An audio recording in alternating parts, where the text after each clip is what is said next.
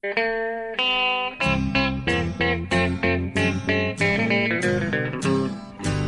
out there, we're on the air. It's hockey night tonight. Tension grows, the whistle blows, and the puck goes down the ice. The goalie jumps and the players bump, and the fans all go insane. Someone roars, Bobby scores at the good old hockey game. Oh, the good old hockey game is the best game you can name. And the best game you can name is the good old hockey game. Hallå, hallå, hallå, hallå, hallå, hallå då. Då ska ni vara fantastiskt varmt välkomna till ett nytt avsnitt av NHL-podden. Den här gången det 42 eh, i ordningen. Och eh, vem är tillbaka? Jo, ingen mindre än Per Bossi, Per Bjurman. Hur är läget? Precis, jo tack. Eh, Mycket bättre än, eh, än eh, förra veckan som du hör på min röst. När du Ja. ringde den gången och skulle ha igång mig så lät det inte så bra. Nej, Jag fick anstränga mig för att liksom, utstaka ord. Ja, det var det rossligt. Ja. Men det var ju jävligt hårt också alltså, för att jag... Jag var ju bara day to day. Det stod ju klart att jag skulle komma tillbaks snabbt. Men du satte ju upp mig på injured reserve list, gjorde en trade och fick in en, en, en rookie direkt på, på tryout. Ja, jag plockade upp eh, Jörgen Källström från Binghamton. Där. Ja, och där fick jag sitta och känna mig tillplattad. Uppe på Här- läktarplats. Här får fan inte bli sjuk. Då hugger general managern Ekeliv direkt. Alltså. Oj, oj, oj, det var hårt. Lamoriello liksom, tack det. Jag vet, jag har ju dem. Ja, Det, är- det är bara så. Nej, jag vet. Jag, jag, jag hade lite, lite, lätt, lite dåligt samvete ska jag erkänna för, för detta. Eh, men, eh, Ja, men så man fick- det, det, är bara business vet du Bjurman. Det är bara business. ja precis. Jag får säga som de... Ja, det här är business-sidan av det här yrket. Det är inte bara kul.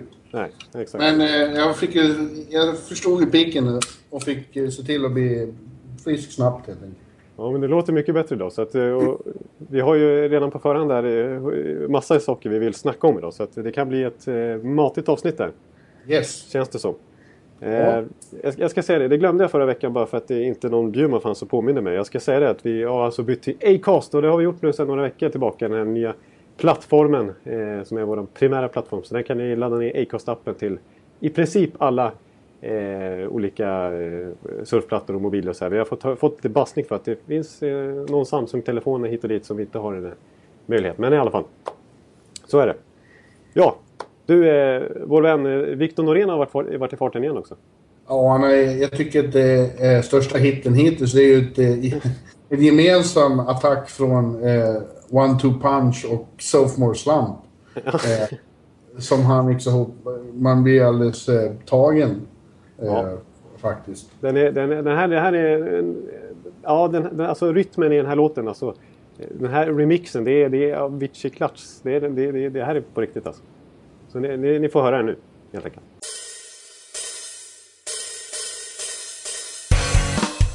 Just a small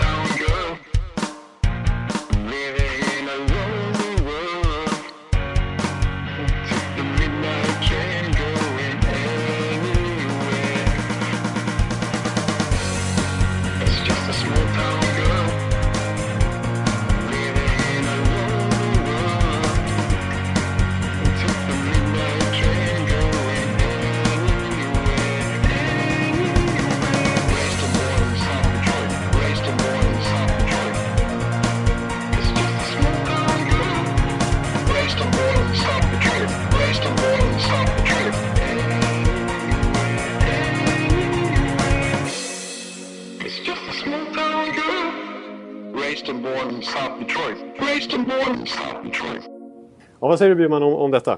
Jo, det är fantastiskt. Det är bara ett litet problem här. Att, att uh, Sophomore Slump, det vill säga jag, har, ju- har ju fuckat upp texten ganska ordentligt. Jag, jag sjunger ju eh, Raised and Born in South Detroit. Det är ju naturligtvis tvärtom. Eh, born and raised i, in South Detroit.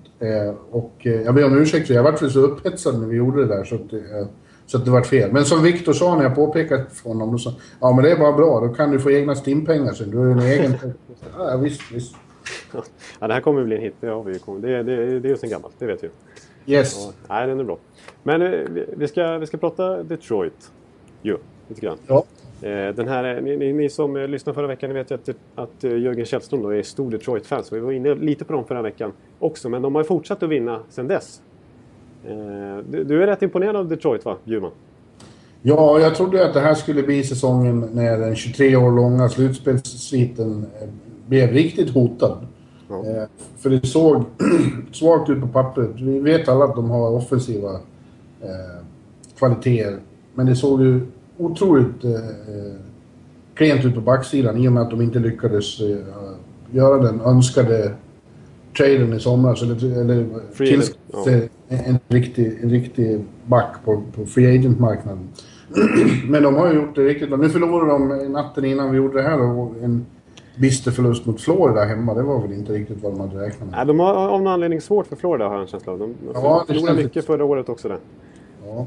Ja, och jag har sett dem, jag såg dem i, i, i New Jersey när de vände underläge och så. Jag, jag tycker det ser mycket bättre ut än vad jag hade väntat. Det som kanske imponerar mest, förutom att eh, eh, flera av de här backarna, unga som man har tyckt dåliga backarna faktiskt Ja. spelar riktigt bra, är ju att de har fått sån bredd också.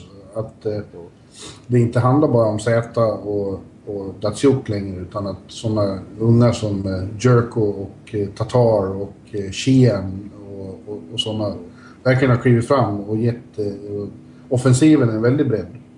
Ja, det, det stämmer faktiskt. De har ju inga problem med secondary scoring, även om det är såklart det är så att det är en sån som Datsjuk nu, nu är någorlunda skadefri. Han har ju ändå spelat en 14-15 matcher i år och gjort 10 mål. Är, Ja. när, de, när de har eh, ett fullt friskt lag, då är de ju ett topplag i NHL. Fortfarande. Ja, Så är det bara. men jag, du- å andra sidan, eh, Linus Hugosson var här i, i veckan. Pro-hockeymannen. Professor. Han fick se den här supermatchen mot New Jersey på plats, var det inte så? Ja, precis. Vi såg den. Eh, Och, eh, men som han konstaterade då att de är nog fortfarande väldigt känsliga för att om, om Kronwall eller Eriksson skulle gå, gå sönder, första riktiga backparet där. Ja. Eh, Det skulle vara förödande, tror jag fortfarande. Ja, nej, det, det kan nog stämma. Och sen är det vi, eh, jag tycker frågetecknet är, är, är, är på målvaktssidan fortfarande. Jag känner fortfarande inte riktigt, riktigt förtroende för Jimmy Howard. Och eh, nu när Monstedt är skadad så den här, eh, vad heter han? Mrazek. Mrazek, jag stod ju i New Jersey och det såg verkligen inte bra ut. Nej, han har ingen imponerande, inga imponerande stats i, i sina NHL-chanser i princip. Överlag så. Nej, jag, men vi, jag satt ju och småhyllade Howard lite förra veckan på grund av att jag tycker att han gjort en, en bra rebound-säsong i år. Att han har varit bra. Nu när Gustafsson har varit skadad och han har fått stå väldigt mycket matcher. Eh, men eh, å andra sidan har Detroit, som du påpekar, vi har, de har gjort mycket mål eh, i år faktiskt. Från den här bredden de har skaffat sig. Men de, trots att de nu hänger med i toppen så har de släppt in ganska mycket mål också. Ja, precis. Så att det, det, det finns, och det har ju Babcock påpekat, inte minst efter gårdagens match, att det, är- det är lite slarviga turnovers och det, det är fortfarande några lättvindliga mål som slinker in på Howard till exempel. Så att, Ja, de är ju, jag tror inte de är någon contender precis på någon Stanley Cup. Men, men eh, de eh, går nog till slutspel igen och jag skulle nog vilja påstå att de ändå spelar sin bästa hockey sedan åtminstone 2010. Ja. ja, det kan jag nog skriva under på. Jag tycker, jag tycker det är så bra. Och vissa matcher som de har gjort i år har ju varit Alltså, har- ju varit riktigt, riktigt bra. Som mot Chicago hemma till exempel, när de vann med 4-1 tror jag. Ja, och vilka var de mötte? Jo, när de mötte Vancouver här, här Ja, just det. Då var det några byten framförallt första perioden när det var fruktansvärt tempo på pucken i anfallszonen. Så. Då, då såg det extremt bra ut. De slog ju ett visserligen sargat Columbus här nyligen med 5-0 borta. Också en, en riktigt dominant match. Och eh, ja, vi har ju gott om svenskar där som är duktiga. Alltså Zäta eh, och eh, Gustav Nyqvist, vilket enastående radarpar det är. vi. Zäta- klagar själv på, eller tycker, är, självkritisk och säger att han inte gör tillräckligt mycket mål själv. Men han står ju för framspelningar som, som är fantastiska. Och så gör Hästpol och Gustav mål. Ja, Han snor mina mål, säger, säger Zäta. ja men han har, han har ju den, just den förmågan också. Visst, han kan göra highlight-mål, Nyqvist, men han är också grym på att peta, fram, eh, peta in lite returer och stå på rätt plats vid rätt tillfälle och sådana grejer. Liksom. Vi har också fått en påminnelse om hur bra det är att de får en ny arena om några år här. Ja, just det. Rangiga The Joe håller på att falla ihop. Ja, den- den var ju- Strömavbrott två gånger om. Ja, det, det är inte okej. jag tycker ju för sig den är charmig. Nu ska jag sätta Joe Louis Arena heter den. Ja. Har du varit där? Nej, jag har inte varit där. Faktiskt inte. Ja, den har ju, det är mycket hockey i väggarna där, men det är en fruktansvärt sunkig och eh, sliten arena. Ja, ja men jag, mm, ja, ja, jag är lite svag för för den och, och, jag har ju visserligen inte varit i de här arenorna men också lika så Nassau Coliseum där. Bara för att de är så... Man, man, det, det, det, det, det luktar hockey ända ut i, i iPad-skärmen i princip. Ja, fast det är... eh, det är... Gets old fort kan jag säga. När Det- man är... VIP-logerna är inte knökfulla med nöjda... Nej, släkterna är inte särskilt bekväma. Nej, just det. Okej, jag förstår. Ja, Nej, nej. Nästa Colosseum är bra på så man sitter väldigt nära isen där. Det tycker jag är kul. Ja, ja. Såklart. ja det förstår jag. Ja, men eh, så det var imponerande. ja. Att det går bra för... för det går bättre än väntat. ja. Ett, ett, ett eh, lag som jag har skrivit upp här som jag vet att du är lite sugen på att prata om också. Nu hoppar vi till en annan konferens, men inte så jättelångt eh, avståndsmässigt. Det är ju Chicago Blackhawks. Ja, just det. Mm. De var väldigt länge i samma konferens och är ju Samma division. ja, klassiska rivaler Chicago och Detroit. Och Både i hockey och i, i faktiskt allt annat. Det tar bara fyra timmar att köra mellan. Så, så det är två städer som, som förhåller sig till varandra på olika sätt. Eh, på alla möjliga plan. Ja. Men ja, Chicago har ju börjat imponera väldigt mycket på slutet. Eh, jag trodde att de skulle göra en liten LA Kings-säsong i år och, och kanske bara gå på 80-90% under grundserien. Ja, eh, men eh, de har börjat spela sin allra mest mördande, vägvinnande hockey här på slutet, eller hur?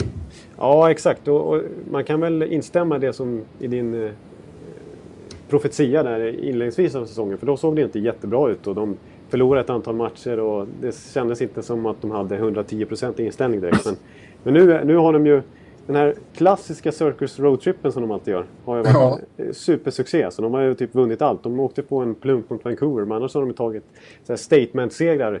Som de senaste de, de tog mot både Kings och Ducks borta. Borta 4-1 i båda matcherna. Back to back. Back to back. Liksom. Ja. Och de plockar Kings dagen efter med 4-1. Det är starkt.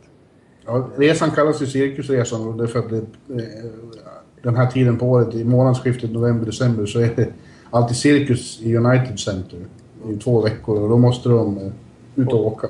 Ja. Jag skulle påstå att det, när de är som bäst så är det cirkus när de är hemma också. Ja, det, det, där fick du till det. Ja, Patrick Kane är en riktig uh, trapetskonstnär på isen, eller hur? ja, ja det är han. Eh, han, han är ju, han, han, lik- likaså han kan man säga började säsongen rätt svagt. Var lite ifrågasatt och hade väl knappt en halv poäng per match ungefär första 10-15 matcherna. Men nu är han uppe på eh, fina siffror ändå. Ja. Eh, börjar närma sig en, poäng, en poäng per match tror jag. Och han har parats ihop med Chris Verstig som helt plötsligt har vaknat. Och också har gjort massor med poäng på slutet. Och, ja. Och Brad Richards har, har det gått bra för. Ja. Han, han, det är väl den, de, de tre som lirar ihop tror jag. Ja, precis. Han är center där. Och, eh, gamla gubben. Ja. Har fått lite nytändning. Eller ja, han, han håller i den här klassen. Det är bara att eh, bränslet har tagit slut eh, lite för tidigt Ja. de senaste säsongerna. Och det vet vi ju ingenting om än, eh, hur det blir med Nej. framåt våren. Men jag tror att det är bra för honom att han inte har riktigt samma framträdande roll som i Rangers och inte är lagkapten och inte är den go-to-guy. Det har vi pratat om förut. Ja, precis. Nej, men för det är han ju verkligen inte nu. Utan, eh, presterar han lite mindre nu ett tag, då flyttar de bara upp Andrew Shaw där och så är det rätt bra ändå. Ja. De har en, en bra centerstomme där verkligen, Chicago. Och han, han har inte det där oket på sig på samma sätt.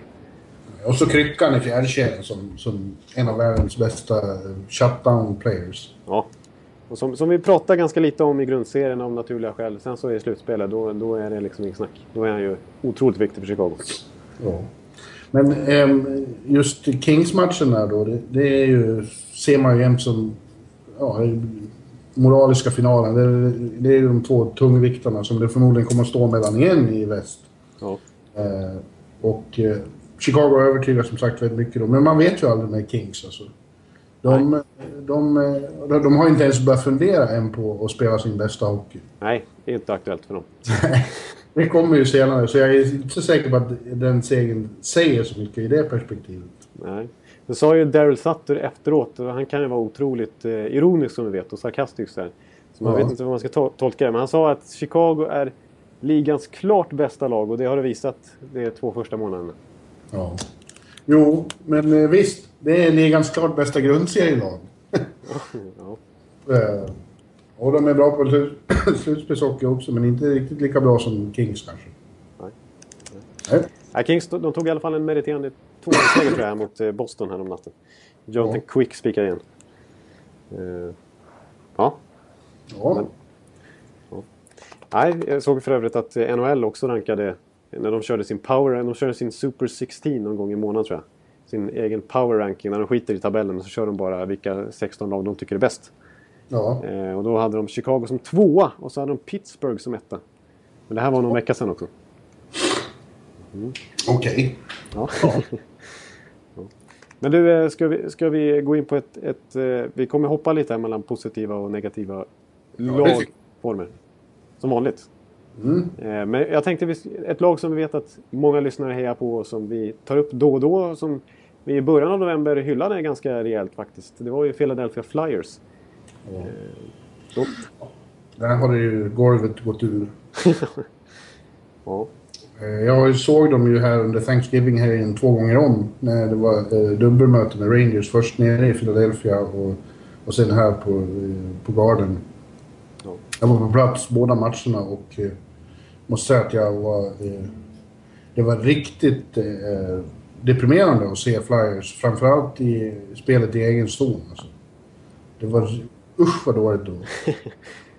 Alltså nere i, i första matchen nere i Wells Fargo Center. det- Det var länge sedan jag såg ett lag ge bort så mycket puckar, slå så mycket felpassningar hade så mycket såna uh, overturns. ja, Och eh, samtidigt uppträdde så förvirrat och inte vann några närkamper, inte uh, föreföll uh, förstå positionsspel överhuvudtaget. Det var en otroligt enkel seger för Rangers att ta på bortaplan och det var inte mycket svårare dagen efter här i New York. Ja, eh, ja, jag jobbade under de här två matcherna trots, trots att de var nästan för tidiga för mig för att jag skulle kunna se dem. Lite paradoxalt. Jag hade, jag hade på dem i bakgrunden men, men det, det, det räcker ju nästan med att följa Twitter så Niklas Wiberg och, och det, det aggressiva Flyers-gänget så, så förstår man att det inte var så bra. Och, eh, ja, vi, vi kommer ju gå in på coacher senare i programmet som ligger lite rassligt till och en av dem är väl Craig Berube ändå, eller? Absolut.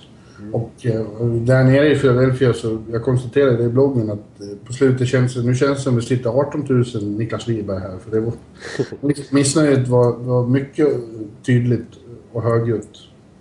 Ja. Eh, och inte blev det något bättre nu i natt när de åkte ut på västkusten. Och det såg ju ut som att de skulle kunna ta åtminstone en poäng mot San Jose. Ja. Eh, men eh, Sharks avgjorde, det var 12 sekunder kvar Ja. av ordinarie matchtid. Ja, extremt tungt alltså. Ja, det var riktigt. Men det är sånt som händer lag som har riktigt motigt. Det är så otroligt signifikativt. Ja, och nu är det ju, blir det inte precis lättare de kommande dagarna. Nu har de Ducks och Kings. Ja, nej precis. Eh, Och de, de sjunker ju som en sten i tabellen. Ja, ja nej, de, är, de, de börjar faktiskt eh, få ganska mycket poäng upp till den där slutspelsplatsen nu.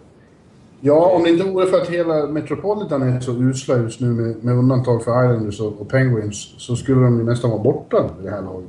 Buffalo har alltså gått förbi Philadelphia just nu. Men varför, visst är det konstigt att Metropolitan är ju eh, ligans sämsta division just nu? Ja. Det, Ja. Som sagt, vi har eh, eh, Pittsburgh och Islanders är höjt till toppen där med 36 poäng var i skrivande stund. Men så är det 10 poäng ner till Rangers Ja. som är på tredje plats. Och sen är det ingen annan som är på slutspel. Det är Washington, Jersey, Carolina, Philadelphia, Columbus. Eh, och det är inte bra. Nej, det är inte alls bra. Det är, det är extremt mycket underpresterande lag. där. Flyers är väl det största exemplet. Och naturligtvis också Columbus, vilket mest beror på skador. Då. Ja, det, är mer, det finns ju sina... Det finns ju sina skäl. Ja, precis. Eh, Washington har, har ju inte heller kommit igång på det viset som man trodde. Där var det ju osäkerhet med mycket nytt och, i form av Barry Trotz i alla fall. Men det, det kändes som att de gick mot ett bättre år. Men det ser lite osäkert ut där också. Det är väldigt ojämnt. Upp och ner hela tiden. De vinner en match, förlorar en, vinner en, förlorar en. Nej, man får inte riktigt grepp om dem. Nej, får man inte. Samtidigt som det är spelare helt, som har lyft sig där med, med Marcus Johansson som särskilt utropstecken. Ja, verkligen. Plötsligt nio mål och redan mer poäng än han hade på hela förra säsongen tror jag nästan. Ja, i alla fall med det- mål. Ja, precis. Ja. Ja. Ja, Jag skjuter mer, säger han. Det är, så lyder hans förklaring. Ja. Ja, han, är, han, han har gjort några eh, mål som, är liksom, som visar att han har ett rätt bra skott också. När han har åkt in i slottet och bara dunkat upp dem i krysset med en rapp handledare. Lite så här uh, Ovechkin-stil nästan. Ja. Ja, Det ska han han- fortsätta med. Ja, han behöver... Eh, eller de eh, behöver utveckla mer kontinuitet i sitt spel. Men Jag, jag vill bara återgå snabbt till Flyers. För det, det, är det, det konstiga med Flyers är att de har två av ligans absolut hetaste spelare i det här laget just nu. Vorasek och Giroud är ju i den absoluta toppen av poängligan. Och gör ju mål och poäng i match efter match efter match efter match. Men Ja, där men vi, bakom vet så... ju, vi vet ju att det finns eh, offensiv eh, sprängkraft i det där laget. Men eh, ja, jag vet som Henke Lundqvist eh, sa efter sista matchen här att ja, det, just nu är det, som, det är den där första kedjan med dem, men, men sen känns det väldigt blekt. Ja, de har, deras... Om jag är rätt ute här nu så... Ja, i och för sig, Couturier gjorde ett, mål här om natten. Jag tror, att de, jag, jag, tror inför matchen mot San Jose att de bara hade två mål på de nio senaste matcherna från någon annan kedja än eh, första kedjan. Ja, så gjorde ju Grossman mål här för Garden. Ja, just det. Ja, okej. det är sant. Men Voracek är ju svinbra. Alltså han är ju det stora hotet mot Crosby i poängligan. ja, ja. Ja, de har ju turats om lite grann om att toppa den där beroende på vem som Ja. har spelat natt efter natt ungefär. Ja. Det Men det, det hjälper inte. Man kan inte bara vara två bra spelare i ett lag. Det är många som underpresterar. Ja, Ed Schneider, deras eh, verbala ägare, har ju varit ute public och liksom eh, sagt vad håller Couturier på med? Vad håller Matt Reed på med? Wayne Simmons, du, måste ju, du ska göra mål liksom. Eller Cavalier, det är bara att scratcha. Du, vad håller du på med liksom? Det måste ju Ja. upp. Eh, Och, och för, förra året så var ju faktiskt, och det, det är som du säger, de har offensiv sprängkraft. Jag tror faktiskt att de förra året var kanske det enda, i alla fall ett av få lag som hade, över, som hade sju 20-målsskyttar. Och det känns som att till exempel, och många av dem är ju kvar. Eh, Men en som de släppte väldigt billigt mot en riktigt underpresterande och gaggig spelare, R.J. Umberger, det är ju Scott Hartnett som de bara... Ja, han saknas känns det som. Ja. Som de skeppade... är inte så bra. Nej, nej, han är... av Wiberg? Nej, nej. Wiberg såg honom vansinnigt. Och det håller jag med om. Han, han har inte gjort poäng på 17 matcher tror jag. Och får spela hur mycket som helst och snor speltid från sådana som Bellemare till exempel som ändå gör det ganska... Har gjort det bra de minuter han får spela. Ja. Ehm, och medan liksom... Ja, och eh, Hartnell å sin sida har ju varit... Är väl den bästa målskytten tror jag. Kanske tillsammans med Foligno och eh, Johansson där i Columbus. Han har gjort det väldigt bra faktiskt. Men det vi ska återkomma lite som sagt om det. Låt oss nu prata med ett lag som har överraskat då istället som du nämnde som hastigast där. Som har överraskat lite i slutet här av november och passerat eh, Flyers i tabellen. Vilket alltså är Buffalo Sabres. Ja, Det såg man inte komma riktigt. Nej, nej, nej. Det såg man inte komma eh, med tanke på deras eh, sommar och deras... Eller sommar, de gjorde ju lite då, men alltså deras start på säsongen och att hur uträknade de var direkt. Ja, det såg ju ännu sämre ut än i fjol har vi konstaterat flera gånger. Eh, och folk gick runt med... Började köpa McDavid-tröjor med Buffalo-tryck ungefär. Liksom, så här. Ja, liksom hoppades på att de skulle förlora. Men eh, nej, de, har- de har ju eh, tre raka segrar nu mot topplagen i, i Atlantic. ja, ja de har slagit både Montreal och Tampa i, i, i natt minsann på Ja, straff. usch. Inte roligt eh, 04-23 där när, när Tyler Ennis avgör straffläggningen. Liksom. Mm. Men, eh, nej, de, de, jag tycker de ser att, de, att, att, att det finns en guys nu i Buffalo. Eh, Ja, jag, jag hävdar att huvudskälet är eh, att Jonas Enroth är så bra. ja det, är, det är faktiskt en stor anledning. Sveriges bästa målvakt i NHL just nu. Ja. För medan vår vän här på, på Manhattan har det rätt tungt. Eh, och, eh, halvsvag säsong så far. Och väldigt tungt mot samma Tampa natten innan. Vilket, då fick han skulden för förlusten i, i lokalpressen här. Eh, Ja, det var... där såg honom rätt hårt. Ja. Eh, med, medan Enroth då har varit grym. Eh, verkligen inte släppt in mycket. Ja, och verkligen, verkligen, verkligen tagit första spaden där i Buffalo. Han har ju stått varenda match nu de senaste två veckorna. Och till och med båda back-to-back matcherna mot Montreal. Eh, och vann båda två. Montreal som ju då ledde hela, hela Ja, divisionen. men undra på detta och han släpper sällan in mer än ett eller två mål. Nej, nej, exakt. Eh, jag, jag kände det själv. När jag, jag är ju som bekant stort Tampa-fan så jag satt ju med brutalt eh, subjektiva glasögon där i natt. Och kikade på den matchen. Och, och eh, alltså man, man kände ju liksom att det var svårt att göra mål på honom. Till och med Stamkos hittade inga luckor. där. Ja, jag pratade med honom efteråt och eh, hans bild själv var ju, ja det går bra liksom, för honom. Men framförallt så har laget fått eh, äntligen lite momentum då. Eh, enligt klyschan att framgång föder framgång så har de fått lite självförtroende och det har, det har de inte haft så mycket av de senaste åren.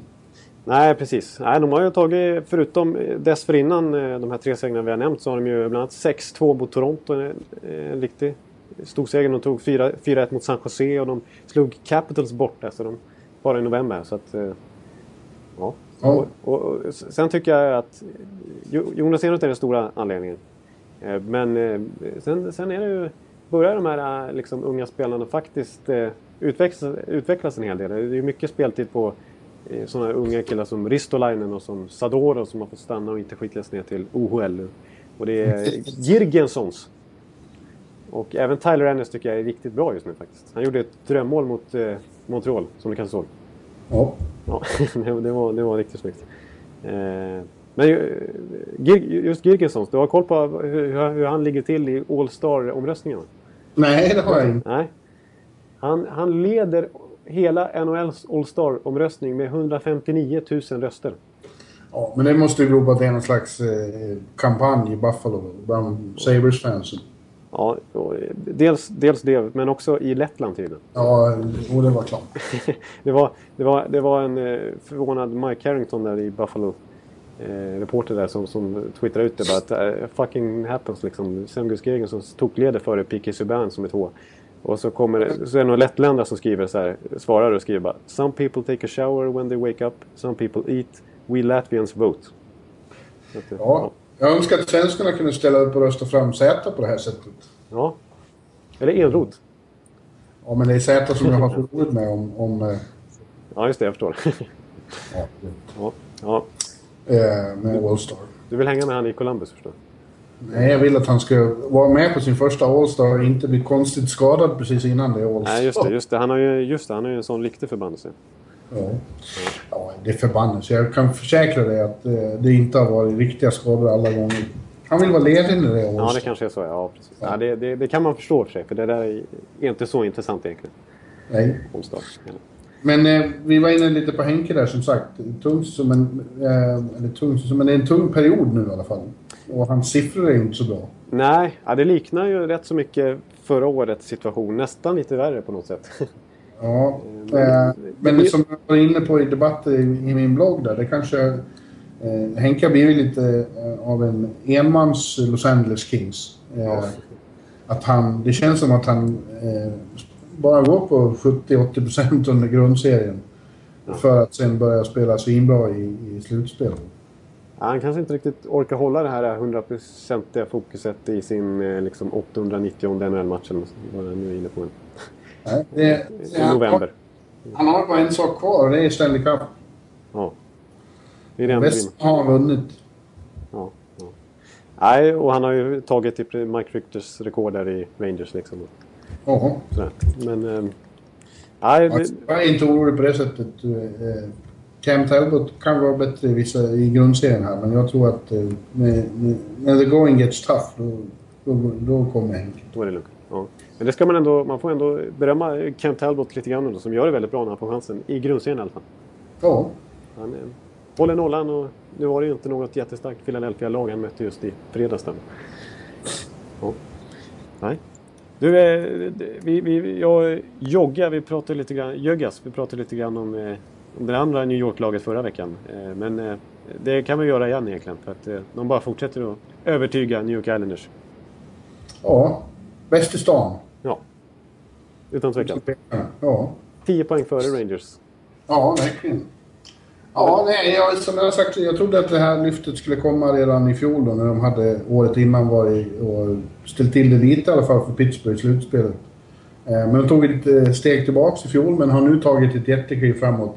Inte minst då i kraft av de här fina traderna precis innan seriestarten när Leddy och Boychuk kom till. Men framförallt så är det ju massor med forwards anförda av den mäktige John Tavares som, som har tagit eh, riktigt stora steg. Många av de här unga killarna. Strombone och company. Ja. ja, precis. Så, eh, sen så eh, sa jag förra veckan så här att, eh, att de har gjort det väldigt bra med, med ett liksom average målvaktsspel. För jag var inte jätteövertygad om Halaks storhet. Men nu har han faktiskt radat upp tio raka segrar står han på nu. Ja, Eh, Och eh, jag fick lite bassning av eh, Islanders-båten Johan Wennerström som vi brukar se på, se, skymta till på Twitter då och då. Också som menar att eh, Halak visst han börjar säsongen halvövertygande men nu har han varit alltså ruskigt bra. Liksom Vesina-klass på. Ja. Och då, då, är, då är det klart att de blir svårslagna. Med den offensiven dessutom. Ja, det är roligt och, och, och jag har faktiskt inte varit där men alla, alla vittnar om att det är otroligt bra stämning ute i den gamla ladan nu. Det är ett fruktansvärt tryck på matcherna, att den skakar i väggarna där. Och så var det ju under de där slutspelsmatcherna mot Pittsburgh. Det var ju nästan det roligaste jag var med om i hela det slutspelet. Eh, och eh, jag ser fram emot att åka dit snart och, och uppleva det. Eh, det är sista dansen där ute, sen flyttar de till Brooklyn. Ja, precis. Exakt. Det är verkligen rätt läge att, att, att få till det här lyftet. Show up. Ja, precis. Ja, de är, de är eh, ett riktigt eh, underhållande lag att se på också. Inte bara för publiken i Nassau utan de skjuter ju extremt mycket i varje match och dominerar Ja. den statistiken nästan alltid. Absolut. Eh, Det gör de. Ja, eh, ett annat eh, positivt lag som jag, som jag har skrivit upp som en liten stolpe här. Det är, det är ett lag som jag trodde skulle börja sjunka här. Men som fortfarande håller på att bara vinna och vinna. Nu har de tre raka faktiskt. Och sju segrar på sina nio senaste. Och det är Calgary Flames. Ja. De, eh, Mark Giordano som blev utsedd till hela, hela novembers bästa spelare tror jag. Av NHL. Jag måste erkänna att jag har inte sett dem så mycket. Alltså. Jag ser att det går bra, men jag har inte sett så många matcher med Calgary. Så jag, Ja, de är ju lite på fel sida kontinenten. Ja, är de. Eh, Nej, men, men det är helt uppenbart att de har gjort det. Nu såg jag experter på, på eh, NHL. Det här kanske jag pratade om förra gången. Eh, men eh, eh, de sitter i TV och säger, några stycken, att om det är några, något av de här eh, överraskningslagen i år som kommer och, och förr eller senare bara sjunka neråt så är det Calgary. Med anledning av att de inte skulle ha tillräckligt bra målvaktsspel. ja, det, det, håller, nej, det håller jag inte med om. Ja, men jag menar att Hiller till exempel, han är bra så här, men han, han, han får alltid långa svackor.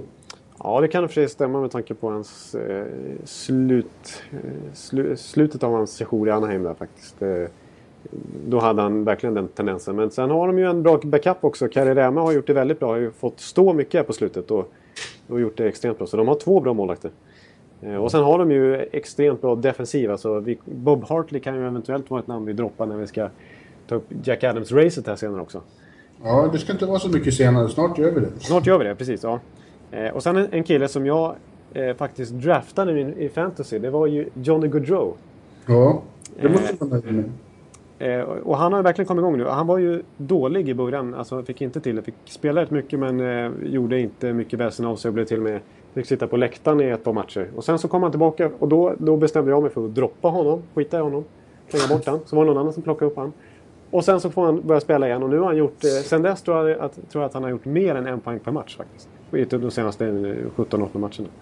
Det var ingen bra general manager-takt det Nej, där. du ser. Du ser, du ser. Ja, dumpar Gaudreau och sen byter ut Bjurman. Och så här, du vet, jag är ingen bra general manager. Jag är lite Mike Milbury på mig.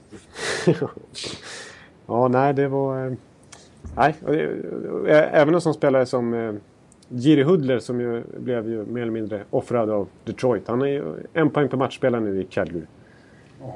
Har en fin plus- minus statistik också. Det säger ju inte allt. Men han fick ju lite kritik för att skita i defensiven och så. Men under Bob Hartleys styre så har han, eh, tar han ansvar åt båda hållen. Eh, Och sen Josh Jury som ju du var inne på för någon vecka sedan som har gjort, eh, gjorde hattrick här om natten mot Arizona. Så att eh, Ja. det finns, eh, det finns, det är lite anonyma spelare men det finns kvalitet där. Eh, Men, men det, det som jag skulle påstå gör att de kanske kan tappa Calgary det är ju det är ju, nu blir jag sån här riktig, sätter jag på mig eh, den här nörd-pretto-koftan eh, här. Det är ju att de har dåliga possession stats. Att de, de faktiskt inte dominerar sina matcher speciellt eh, mycket. Utan de är effektiva och har, har förlitat sig på ett ganska bra målvaktsspel ändå, får man säga. Ja. och det är inte nödvändigtvis att jag håller i 80 matcher då. 82. A lot can happen in the next three years. Like a chatbot maybe your new best friend. But what won't change? Needing health insurance. United Healthcare Tri Term Medical Plans are available for these changing times. Underwritten by Golden Rule Insurance Company, they offer budget-friendly, flexible coverage for people who are in between jobs or missed open enrollment. The plans last nearly three years in some states, with access to a nationwide network of doctors and hospitals. So for whatever tomorrow brings, United Healthcare Tri-Term Medical Plans may be for you. Learn more at uh1.com. Vi får se. Ja. Ett lag som är... Nu kommer jag in på något som jag inte nämnde i förväg att vi skulle prata om. Men Nej. när du säger det så är en besvikelse är ju Dallas. Ja, det verkligen. kändes som att vi var på väg att få ett lyft igen, men nu har det blivit, blivit dåligt igen. Eh, Jag såg att eh, eh, Lindy Ruff gick ut och sa att det är alldeles för många spelare som har haft svårt att hantera förväntningarna och pressen på att nu ska det gå bra. Ja. Ja. Ja, det, st- det största... Ja, förlåt. Ja, det är, ja, man kan nämna flera. Det är ju, eh, alltså, Tyler Seguin gör ju massa mål och poäng så att han gör det bra. Men, och Jamie väl kommit igång lite på slutet och Jason Spezza känns bra. Men det största exemplet är väl Alex Hemsky som är fullständigt under isen. Totalt värdelös den här säsongen. Ja. Ja, men då fick ju en liten... eh, Det vart ju lite eh, kul historia där när, när svenske John Klingberg kom upp från farmarlaget och gjorde poäng i åtta matcher i rad och, och ett par, tre stycken helt fantastiskt vackra mål. Ja. Riktiga Eh. highlightmål. Ja, och när han gjorde tredje så sa de det... Eh, hur var de? Eh, The legend of John Klingberg Ja, continues. just det. Jag hörde den kommentaren. Ja. Kommentatorerna. Ja, det kändes lite så episka proportioner när han klev fram där. Det här är, nu, det här är något historiskt vi bevittnar. Ja, och han fick mest speltid av alla backar. Så nu har det väl varit några matcher när vi inte har fått till det på riktigt samma sätt. Men, eh, Men kul att se att man eh, kommer för, ta för sig på det viset när man väl får chansen. ja, vi ser ju en framtida faktiskt eh, etablerad eh, först, ja, topppar back där i John Klingberg då. Ja. Det, det, Men det är, det är helt enkelt så att den här upplagan av Dallas Stars, som ju gjorde det så bra i fjol och äntligen gick till slutspel och faktiskt var riktigt, riktigt bra i den här serien mot Anaheim. Ja. De har, vad har de? De har en sophomore slump. ja, där kom den ja. Precis. det är exakt det de har. Trots att de har en sån one-two punch. De har en så otroligt bra one-two punch där med Spetsa och Ben. Men de har hamnat i sophomore slump. Det är inget snack om det. De klarar inte förväntningarna. Nej, vi får se om de lyckas lösa det. Jag eh, tror ju mycket på Lindy Ruff. Jag tror ännu mer på general manager Jim Neal. Att han... eh, Om det här fortsätter så kommer han ju fler eh, korrigeringar i truppen. Ja, han, han har visat handlingskraft genom att göra ganska många trader för att vara så här tidigt på säsongen. Bland Ja. annat den där Travis Moe mot Gonchar-traden och sen även eh, Demers som har plockat in mot Brendan Dillon. Precis. Ja, än, än så länge har det inte gett någon jätteeffekt och det känns som att de faktiskt... Eh, om de inte liksom börjar rada upp lite segrar nu och blir jämnare så, så, så kommer den här... eh, Med tanke på hur Western Conference ser ut så kommer de... Det kommer öka, öka, öka det där avståndet. Och det kommer inte funka liksom. Nej, det, alltså, det är så. Man tror att det är så mycket kvar nu, men hamnar man för, för långt efter i tabellen den här tiden på det är otroligt svårt att ta igen. Det, det vet vi sen förut. Och vi Det ser, är att luta sig tillbaka och säga att ja, ja det, är, det är tre fjärdedelar kvar. Alltså, alla andra fortsätter ju vinna i allmänhet också. Men när man, när man följer svensk hockey, SHL och Hockeyallsvenskan så här, då är man lite förblindad av trepoängssystemet. I tvåpoängssystemet så, tar, så är varje poäng lite mer värd. Ja, visst är det så. Det är längre upp än vad, vad det ser ut kanske. Oh, ja. Att, eh, ja. Men du, eh, Ekan, vi måste prata om en annan grej här. Eh, veckans kanske allra största händelse som kommer här på torsdag. Och det är ju att Daniel Alfredsson officiellt avslutar sin karriär med ett sista framträdande i Ottawa. Ja, det, det, det ser man ju onekligen fram emot. Alltså, det kommer att bli hur stort som helst. Och det har ju Eugene Melnick redan eh, sagt där. Att det här, det här ska bli liksom eh, mest pompösa liksom, firandet vi har sett ungefär. Ja, jag såg att eh, Bru- Bruce Garriott i Ottawa Sun beskrev det som en av de största händelserna i Ottawas idrottshistoria. Ja. ja. Jag har faktiskt pratat med Daniel lite på förhand här och han själv så säger han att ja, det som händer får hända, vi får se eh, hur det blir. Eh, men ja, det är verkligen en av de allra största om man ser ur svenskt perspektiv och, och framförallt om man ser ur Ottawa perspektiv som, som går i pension. Det var väl inte helt oväntat när han aldrig lyckades få ordning på sin gamla rygg. nej, nej. Det här beslutet skulle komma men i alla fall tycker jag när det nu när han har bestämt sig för att är över så, så känns det... Jag tycker det känns tråkigt. Jag har tyckt otroligt mycket om Daniel Alfredsson. Både som hockeyspelare att titta på och, och ha att göra med, inte minst utanför isen. Ja, ja. Nej, han, ja, det, och, det, och det känns... Visst, det, känns ju rätt, som ett rätt beslut nu med tanke på hans rygg såklart. Och han har ju verkligen gett en chans. Men det, det är ändå lite... Så det kanske inte blir så abrupt som, som jag trodde det skulle kännas. För att jag hade en känsla av att han skulle göra ett försök den här säsongen och att han skulle spela liksom. Eh, men... Eh, nej, det blir inte så. Men, men nej, jag, håller, jag håller såklart med. Det är en av de absolut största i svensk hockey genom tiderna. Som kanske har hamnat lite i skuggan av Forsberg och, och Sundin och Lidas eftersom att de hade sina storhetstider ungefär samtidigt. Ja, det är ju den, den gyllene generationens... Eh, det är den sista gyllene generationen som, som, som går i pension. Ja, ja. Eh, jag menar, för, för, precis, man pratar mycket om Forsberg och Lidas och Sundin, att det är de, de, de tre det handlar om. Men menar, Alfredsson som var lagkapten i princip två decennium väl, i, i Ottawa liksom, och som, som ju är en extrem hockeystad det med, precis som Toronto. Eh, Men... Eh, ja, Jag lärde känna honom eh, alltså, som, som, som tidningsperson då. Det, eh, under finalen kan man säga, eller slutspelet 2007 när det slutade med att de gick till final. Och hade otroligt stort utbyte av. Han var otroligt, ställde upp och, och, och var väldigt bra att ha att göra med. Också så tillvida att han eh, har en väldigt bra uttrycksförmåga. Han, han, han har synpunkter och han vet hur man, hur man ska uttrycka dem utan att använda klyschor. så. nej, precis. Det, det, exakt. Det har jag fått känslan, känslan av också. Ja, och sen så var, har jag varit och gjort, skrivit väldigt mycket om honom. En gång så var jag faktiskt i Ottawa i, i, i, flera dygn och hängde med, med, med Daniel för ett reportage i vårt dåvarande sportmagasin. Och kan ju berätta alltså att... Och, var- och, och röra sig med Daniel Alfredsson i då- det är då man förstår hur, vilken gud han är där uppe. Alltså, vi kom in på restauranger ibland bara, och, och det var så här absolut helt tyst. Det var som att jag kom in med Jesus. Ja. ja, ja. Folk har varit helt eh, förstummade och hypnotiserade. Eh, ja, det var fantastiskt att se. Och vi var hemma hos honom och så. Eh, absolut ett av de roligaste hockeyreportage jag har gjort.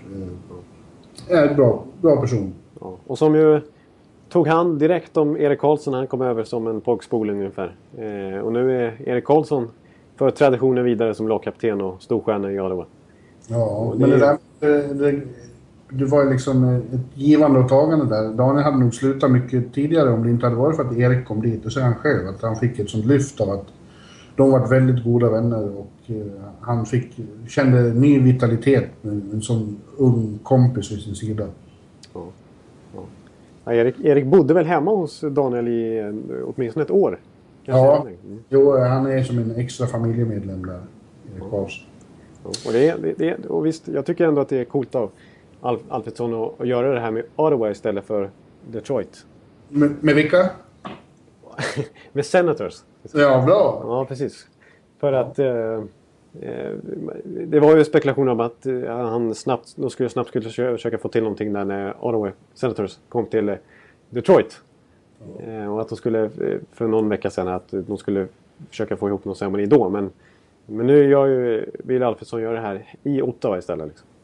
Ja, det är där han hör hemma och det är där han är som störst och allt. Jag tycker det känns rätt självklart. Ja. Han har ju vunnit otroligt mycket också. Han har vunnit OS och, SM och, Ja. och varit med i VM. Han var med i fem OS-turneringar, vilket är helt fantastiskt. Eh, men eh, Stanley Cup-drömmen slog aldrig in.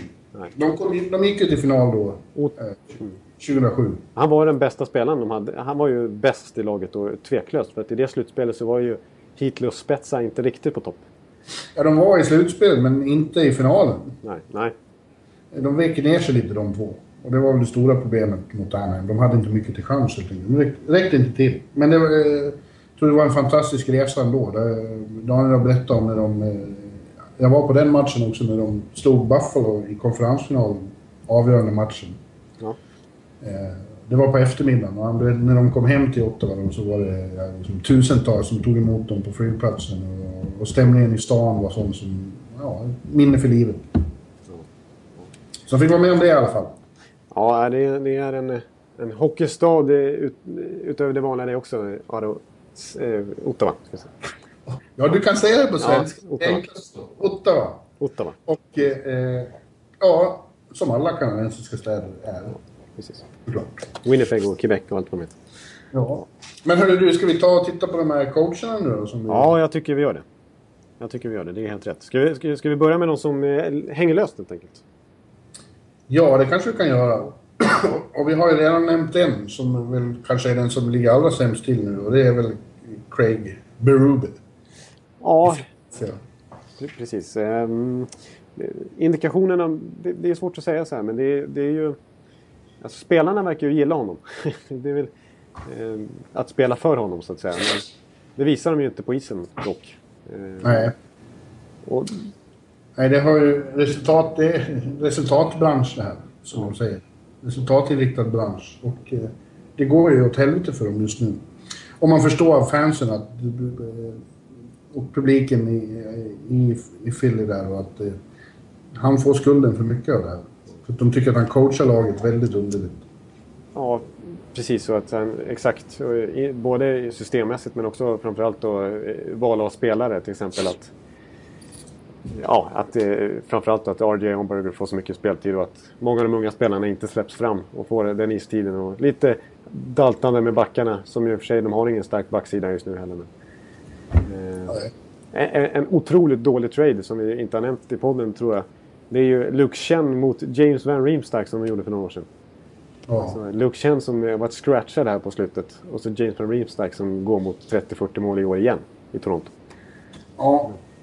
Nej, men, Det skylla Berube för. nej, det kan man inte skylla. Det får man skylla på Paul Holmgren som istället har blivit eh, befordrad till någon slags vicepresidenten. Nej, jag tror att eh, de är ute på den här Kalifornienresan nu går det så dåligt som man tror då, då är det nog över när de kommer hem. Ja. Men det som är problemet är väl just eh, att det inte finns så där jättemycket att hämta på tränarmarknaden. Det finns ju några spännande namn, men Ja, Det finns ju Dan Balsman, men att han skulle hamna i Philadelphia känns ju väldigt osannolikt. Eh, efter allt infekterat mellan Pittsburgh och Philadelphia. Och, och Balsman har ju själv sagt, han har ju lön fortfarande från Pittsburgh, så ja, att eh, han kommer inte att välja något lag förrän det känns riktigt, riktigt bra. ja, just det. han behöver inte vara desperat utan han kan ta... Men vi kan, gå- vi kan gå in på vilka som skulle kunna bli aktuella när vi har gått igenom allihop här. Ja, ja, precis. Eh, eh, en annan som fansen för laget i alla fall väldigt gärna vill se sparkade är ju eh, Pete DeBoer i New Jersey. Ja. En tråkig coach. Ja. Eh, och det går inget bra för New Jersey heller. Nej, de börjar också halka efter lite grann. De är bara någon enstaka poäng före Philadelphia.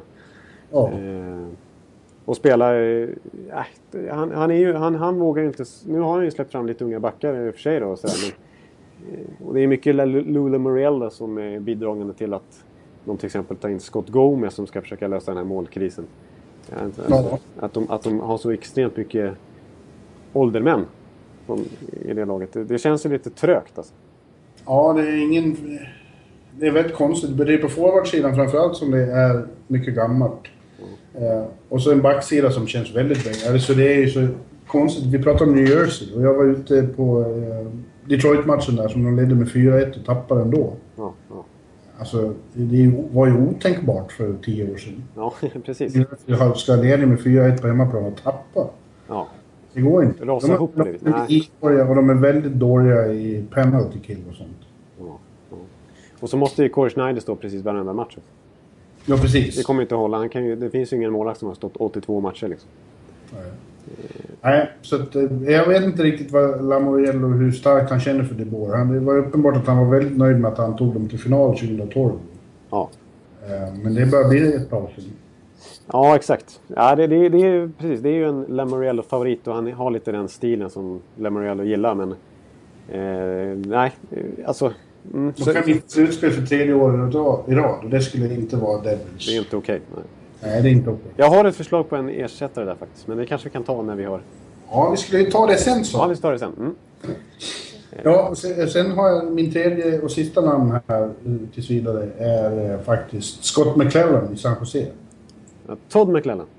Todd Eller är det Scott? heter han. Jo, Ja, Todd. Todd. Ja. Förlåt. Förlåt. Inte Scott. Ja. Ja. Jag blandar alltid upp Todd och Scott. Ja. ja. Ja, det har varit en ganska het diskussion där om McLellan faktiskt. Sista veckan tycker jag. Ja, det, är- det, är- alltså, San Jose, det brukar, det brukar dröja åtminstone till slutspel innan de klappar ihop. Nu vann de mot Flyers på ett spektakulärt sätt, men de har haft det väldigt trögt här ett tag. Hamnar utanför, nedanför slutspelsstrecket. Ja, Och så inte se ut. ja precis. Jag, och jag tycker det känns som att hela deras organisation trampar vatten lite grann. Alltså det, är både från spelarhåll och från eh, uppe i styrelsen och general manager. Så här, att liksom, de vet inte riktigt vilken väg de ska gå. Nej. De gör liksom ingenting riktigt. Det enda de gjorde var att ta bort eh, kaptensset från eh, Joe Thornton ungefär och trodde att nu kanske det vänder. Liksom det, det, det känns som att det, de, de vet inte riktigt vad de håller på med just nu. Det enda de vet är att de har ganska bra lag.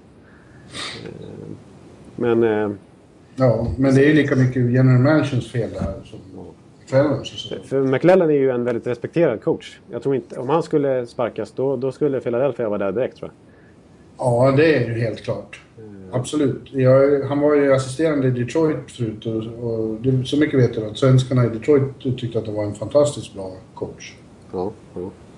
Och, också duktig tycker jag på i liksom intervjuer och så här och liksom vara klar och tydlig vad han tycker och kan uttrycka sig efter matcher, liksom vad som har hänt och skett och sådär. Ja. Men lika fullt tror jag att han kan hänga löst nu för att det måste hända något i San Jose. Ja, precis. Nej, men det, och, och kanske... Där är också ett förslag på en ersättare faktiskt. Ja, men nu kan du komma in på dina Ja. ersättningar. Ja, precis. Ja, min ersättare... Då tror jag att det skulle kunna vara ett uppdrag som Dan Biles man kanske skulle, kunna ta. Absolut. Absolut. Han väntar på ett riktigt bra tillfälle och det, skulle ju vara ett lyft för San Jose om han kom dit förmodligen. Ja. Det känns som en coach som vill ha ett, ett offensivt powerhouse ungefär. Ja. Ett, ett, ett, ett, topplag liksom. ja. Eh, Han får vara ute i västra, det tror jag skulle passa bra. Ja, byta lite. Exakt. Miljö. Eh, och de har ju, han har ju verktyg där att jobba med så att säga. Och skruva med. Så att jag... jag mm, skulle han få den chansen på Alsman, då skulle han ta den direkt tror jag. Och, och jag tror San Jose kanske tänker lite i de banorna också. Ja. Men vem vill du ha i Jersey då? Ja, där, I New Jersey så hade jag som förslag då faktiskt min gamla kille Guy Boucher. Jaha. Jag, jag tänker att det är ändå en eh, ganska defensivt inriktad coach, vilket, jag vet, vilket ju Lamoriello vill ha. Jag vet inte om det är vad New Jersey behöver, men det är vad han vill ha i alla fall. Och eh, han är ju... Han, har ju, han är ju en, vi vet ju att han körde sin 1-3-1 i tempo och det var ju otroligt kritiserat och det var ju inte så jätteunderhållande. Eh, men han är faktiskt extremt... Alltså han behöver nödvändigtvis inte köra den taktiken. Han är, han är extremt eh, taktiskt, eh, taktiskt snille, Guy Boucher. Han har grym koll på taktik. Han är, han är nästan överintresserad av allt som har med sånt att göra. Eh, så att jag, mm, jag tror att han skulle verkligen vilja ta sig an det New Jersey-laget. Vad, vad, hur de skulle behöva spela för att liksom kunna ta poäng med det bygge de har. Ja. Ja, det är inget dumt förslag. Och, och Det lite... är, som du säger, det finns inte så jättemånga alternativ där ute. Nej, och han, han är en sån kille som inte tittar på i ålderskolumnen utan han, han tar de spelarna som han tycker är, är bäst och det kan vara 18-åriga rookies och det kan vara Jaromir Jagr såklart också.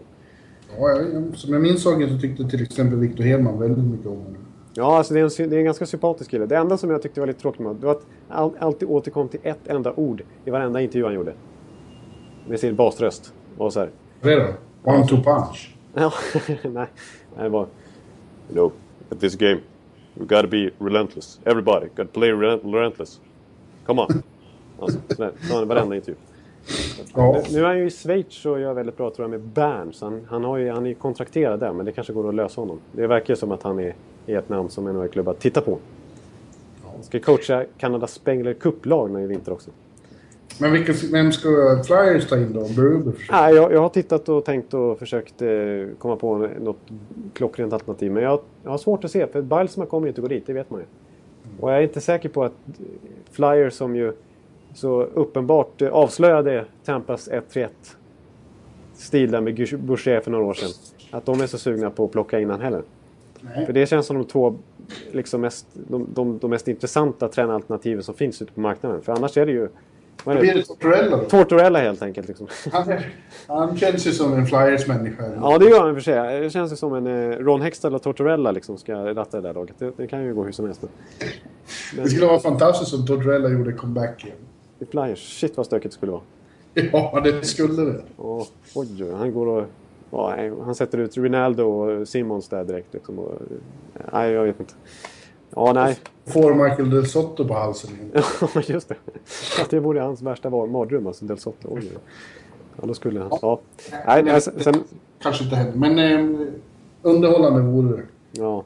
Det finns ju Ron Wilson som inte haft något att göra på ett tag. Och Claude Noel som fick sparken av Winnipeg. Och, Och vår vän Wiberg, han eh, förespråkar åtminstone som interim resten av säsongen han är gamle Kings-coachen Murray. Andy Murray, okej, okej. Ja, jag, jag skrev upp honom som ett namn också. Ja, jag, han var ju väldigt bra när han tog över St. Louis i en liknande situation för några år sedan. Och lyfte dem. Och sen så sket det sig ändå. Så kom Ken Hitchcock in och visade vad man kunde göra med det här laget. eh, Med, det- med St. Louis. Men ja, jag, jag har nog hyfsad respekt för Andy Murray också faktiskt. Ja. Så att, eh, eh, ja. Så kan det bli. Men det, om man skulle dela ut Jack Adams redan nu då, efter en dryg fjärdedel av säsongen. ja. Då skulle mina nominerade vara, och rätt given tycker jag, eh, den som vinner också då blir eh, från Nashville Predators, Peter Lavoliette. Ja, jag, jag tycker definitivt att... Eh, och det är väl den allmänna känslan att det är, det är han som är, leder det där racet just nu. För, för det är en sån otrolig turnaround på Nashville i år. Ja, som ingen hade räknat med just för att det kändes som de bara fick eh, skrapa ihop det som blev över på free agent-marknaden. Och det var ju nästan så. Ja, bortsett från James Neal då, som var ett, en bra trade för deras del. Eh, så kändes det som ja, Ribeiro, Derek Roy och Olli Jokinen. Det kommer inte bli någonting. Nej. Istället har blivit jättebra. Ja, precis. Det kändes ändå som att de, det- det var de tre centrarna som fanns kvar som har eh, någorlunda NHL-meriter. Olle Jokinen har ju har varit en flopp men det spelar ingen roll för att en sån som Ribeiro har ju varit extremt bra och verkligen tagit plats där som en första center på bästa möjliga sätt. Tillsammans med, fått en enorm kemi med Forsberg och Neil där. Det är ju ändå NHLs absolut hetaste kedja så här långt. Ja, visst. Och, de, och all, Jag frågade faktiskt eh, Phil Forsberg häromdagen vad, vad som är Lavaliettes styrka. Han sa bara att ja, det är en person man, man verkligen vill lyssna på om man vill, man vill eh, utföra hans eh, orders. Det känns väldigt angeläget. Ja. Så det är kul att spela för att han är så, har så offensiva idéer. Ja, det är ju en, eh, precis. Det är en kille som, som har offensiva idéer och som vill ha ett väldigt, väldigt aggressiv forecheck. Att man ska ligga högt upp i banan. Man ska inte backa hem utan man ska stressa och pressa liksom, så fort man inte har pucken. Ja. Och då blir det en väldig fart i spelet. Liksom. Och mycket skott. Och mycket liksom... Mycket rappt, mycket rakt. Eh, Ja, nej... Och det, som säger, förutom... eh, I princip alla spelare hyllar honom. Pekka Rinne läste jag häromdagen tyckte också att det liksom är en enorm skillnad med Laviolettes röst i, i omklädningsrummet. ja, det har vi ju pratat om för Barry Trotz-Weiler i alla år. Ja, En väldigt annorlunda eh, filosofi. ja. Och, men, men ändå så var man ju lite osäker nu när han försvann. Alltså om det skulle liksom... Ja, det kändes inte som Lavaliette var något självklart att det skulle bli succé. Inte. Nej, nej, nej. Det var sån enorm motsats till Trots. Också. Ja. Ja. Fortsatt på min lista så, ja, det blir du glad då. Jag tycker han Cooper nere i Tampa måste eh, tas med igen. Han har väldigt bra material att jobba med, men han gör bra saker av det också. Vi såg här eh, Rangers tredje gången gilt för Tampa när de slog Rangers igen. För tredje gången på Ja. två veckor. Då lyckades ju faktiskt Rangers ta bort första kedjan med Callahan och, och Stamkos. Killorn. Stamkos. Ja. Ja, men då kliver nästa kedja istället fram och bara förstör allting för Lundqvist och company. Ja.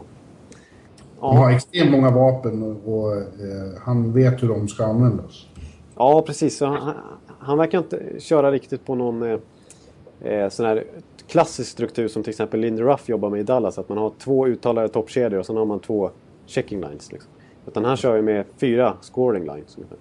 Det är för att det är det materialet som Tampa har ungefär. Men det är, alla, alla, det är ingen kedja som går in med för att spela 0-0 utan alla vill ju göra mål. Liksom. Eh, Ja. Så det blir en väldig fart i, i matcherna. Och, eh, jobbigt att liksom möta i 60 minuter ett lag som vill anfalla hela tiden. Precis. Så, ja, jag tycker även man ska hylla eh, Bonus, deras defensiva coach, coach som de snodde från Vancouver. Som har gjort, eh, utvecklat backsidan på ett bra sätt faktiskt. Backsidan där de nu har fått tillbaka sin bästa back. Ja, Hedman. tillbaka i, i, i riktigt gott slag, precis som innan skadan faktiskt. Men nu ska vi inte prata så Nej. mycket om Tampa. Jag bara, Mike Babcock, vi var inne på Detroit, han skulle också vara nominerad. Han ännu en gång lyckas eh, göra ett slagkraftigt lag av det här. Till synes på pappret det svaga manskapet. Ja, precis. Han får, han får inte det han vill ha av Ken Holland på sommaren men ändå så lyckas han göra Detroit till topplag igen. Ja. ja, det är helt uppenbart. Han är inte världens populäraste kille har jag förstått. Men det är, det, det är ju inte därför han är anställd heller. Nej, nej. Och han vinner OS-guld med Kanada och vad han nu får för sig att eh, ta på sig för uppdrag. så, så är han ju framgångsrik. Och han har aldrig vunnit eh, Jack Adams. Han, Nej, det är konstigt. Eh, för det är, det är ofta så att eh, det är liksom... Och det, jag tänkte nämna det också att det är en sån som Joel Quenville har ju aldrig vunnit eh, med Chicago heller trots att han har varit ett konstant topplag där och samma sak med Daryl Sutter som ju verkligen har gjort Los Angeles Kings till en, till en maskin och en Stanley Cup-monster men, men han har aldrig heller vunnit sen, sen han tog över. Så att, Men det är ju grundserien man röstar på. precis. så Sutter inte blir, blir omnämnd. Mina, jag har några bubblare också. Där. För det blir ju ofta så att det, det är de som får lag att lyfta och, Ja. och, och gör en sån här turnaround. Som, Som. Patrick Roy förra året. En, Roy. Roy. Ja, det där var, det där var pinsamt. Ja, förlåt. Eh, ett annat favoritord hos Ekan är turnaround. Ja. Ja. Ja, men... Eh, och, och bla- bland sådana då finns ju till exempel Paul, Paul eh, Maurice ja, det kan man ju säga. Mm. i Winnipeg. Eh, Jack eh, Capuano i Islanders. Precis, han har, ju, han har fått förtroendet länge nu i Islanders. eh, Ja, de har ju vägrat sparka honom för de tycker att han, att han, gör, att han gör det bra ändå. Liksom. Och nu den här säsongen så har det verkligen liksom, gett, gett utdelning den här kontinuiteten som de ändå haft på ledarsidan. Och så har vi Willie Desjardins Ja, i, där i, satt den som en smäck. Ja. i Vancouver. Han har ju också eh, fått eh, ordning på skutan rätt snabbt efter Tortorellas katastrofala gästspel på i British Columbia. Alltså, där, där har- vi också verkligen en turnaround. Ja, Och vi var inne på det redan när vi snackade vilka coacher vi tyckte skulle ta över hit och dit. Förra året så tyckte jag att vi sa att Desjardins eh, som gjorde sån succé i AHL att det kanske kan vara något för Vancouver, en offensiv coach. Istället för Tortorella. Det blev succé. ja. Bob Hartley med Calgary har ju gjort det väldigt bra också. Och för ett sånt arsle så jag vill Ja, inte... du, hatar, du gillar inte honom. ja, nej, ett arsle kan ju inte vinna Jack Adams. Det går inte. Nej. Eh, Ett, ett namn som, som jag, en- ett annat arsle i dina ögon tror jag. Som jag tycker faktiskt är värd att nämna. Men som jag inte tror kommer bli nominerad. För att han inte är sådär, heller sådär vansinnigt populär. Det är ju Michel Ferrien. Ja, precis. Jag- Jag tycker att Montreal inte har sådär otroligt, otroligt bra eh, trupp egentligen. Eh, men ändå så är de ju ett topplag i år igen. Ett riktigt svårslaget lag. Men det är det har de väl? De har väl ett jättebra lag? Ja, de har, de har ett bra lag, men jag tycker visst, de har en otroligt bra målvakt. De har ju P.K. Subban och André Markov och det är en bra backsida. Och sen har de ju Max Pacioretty framåt. Men jag tycker ändå att de inte... De, de, sak, de har ju bredden, alltså. De har till viss del spetsen, men jag tycker ändå inte de har den där... Eh, superstjärnorna har de inte riktigt, förutom Subban kanske och Price. Jag vet inte. Jag tycker, jag, jag tycker inte... Jag, nej. Nej, jag, jag, jag, tycker att Ferrien får ut mycket av sitt material ändå. Ja, men det får han. Jag, jag, jag, jag ger det. Jag tyckte att han eh, gick igenom slutspelet på ett bra sätt fram till Rangers-serien. Han höll inte på med så mycket, flyttade för mycket fokus från det som hände på isen fram tills det var det här tjafset med, med. Chris Kreider. Ja. Uffe, det var ju kul när han började skälla på Sa Ja, precis. Ja. Du får inte vara här. Ut. Go fuck. Ja. Go fuck, sa Nej, nej, det kan man inte alltså. Go fuck. Go fuck. Men snälla Jonathan, så får man inte Nej, säga. så får man inte säga. Det så får man inte ens... eh, Nej, förlåt. Nej, det var otrevligt. Ja, ja. Go fuck yourself kanske. Ja, så kanske man- Garanterat inte bara go fuck. Nej, nej, det vore väldigt uh, oansvarigt. Ja, go fuck Jonathan. Nu får du... ja. Ja, men, men vi kanske- försöka väl kanske dra ihop säcken här. ja, vi kanske ska göra det faktiskt. Vi har... eh, Du har nästan lovat en sak eh, idag, va? Ja, just det. Jag ska, jag ska sjunga. Ja. Fantastiskt, det var länge sedan. ja, det var länge sedan jag sjöng, sjöng någonting eh, nytt i alla fall. Men du har fått... eh, Du har fått eh, ditt självförtroende har vuxit här efter Victor Noréns. Ja, det, det, det har verkligen vuxit nu alltså. Nu är det hybris på mig. Ja. Jag- har fått höra mycket om min sångröst, men när Victor Norén ändå gillar den, då, då, då är jag uppe bland molnen. Så jag tänkte Va? köra den. Eh, Vad tänkte du köra då? Jag ska köra eh, O Canada. Med anledning av... Med anledning av den tragiska bortgången av Sean Beliveau. En av, de, vår, en av tidernas absolut bästa hockeyspelare gick bort här ganska ja, eh, natten till att vi spelade in det här. Eh, Ja. Och då kan du förmodligen ta med Gordie Howe. Han hänger på gärdsgården. Ja, det är riktigt illa det. Han, är- jag läste lite positiva nyheter om nyligen att han, att, att, att han inte ska ha drabbats av en tredje stroke som det sades här om natten. Men eh, det, han är... Nej, han mår ju inget bra just nu. Nej. Men du, eh, sjung du och... eh, Ja, Ska, ska, Take it away. vi, ska vi avsluta så eller?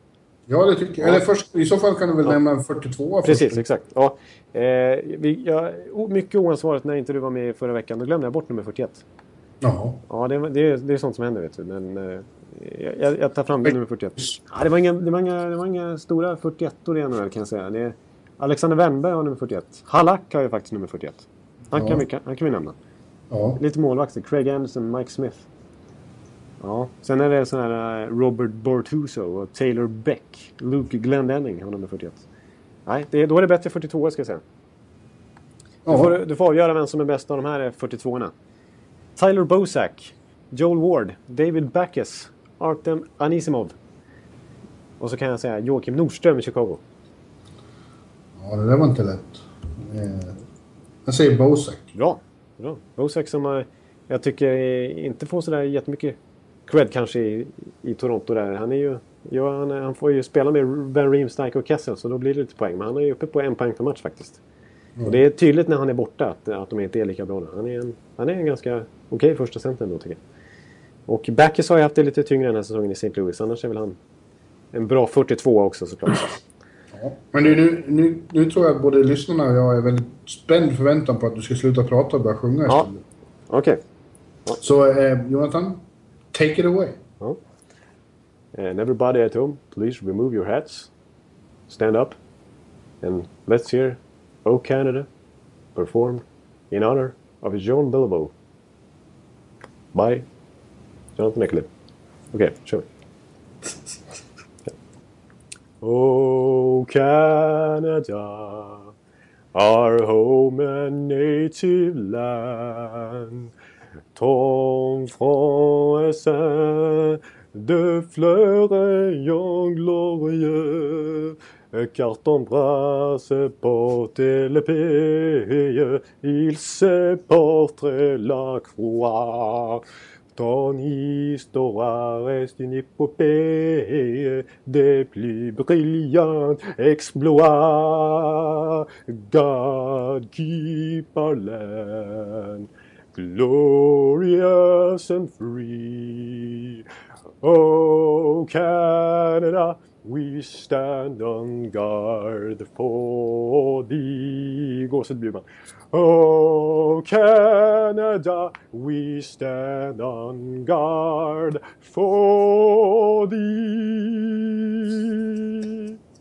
Hej då, hej då, hej då. hej galant. Du sitter alltså på tidningen och gör det här ja, ja. Fantastiskt. Du är den enda jag känner som skulle göra det. Konstiga blickar nu. Ja. Vi hörs nästa vecka. Ha det bra. Det gör vi. Tack. Hej, hej. Oh, take me where the hockey players face off down the rink. And the Stanley Cup is all filled up for the champs who win the drink. Now the final flick of a hockey stick and a one gigantic scream. The puck is in, the home team wins the good old hockey game. Oh, the good old hockey game is the best game you can name. And the best game you can name is the good old hockey game. Oh, the good old hockey game.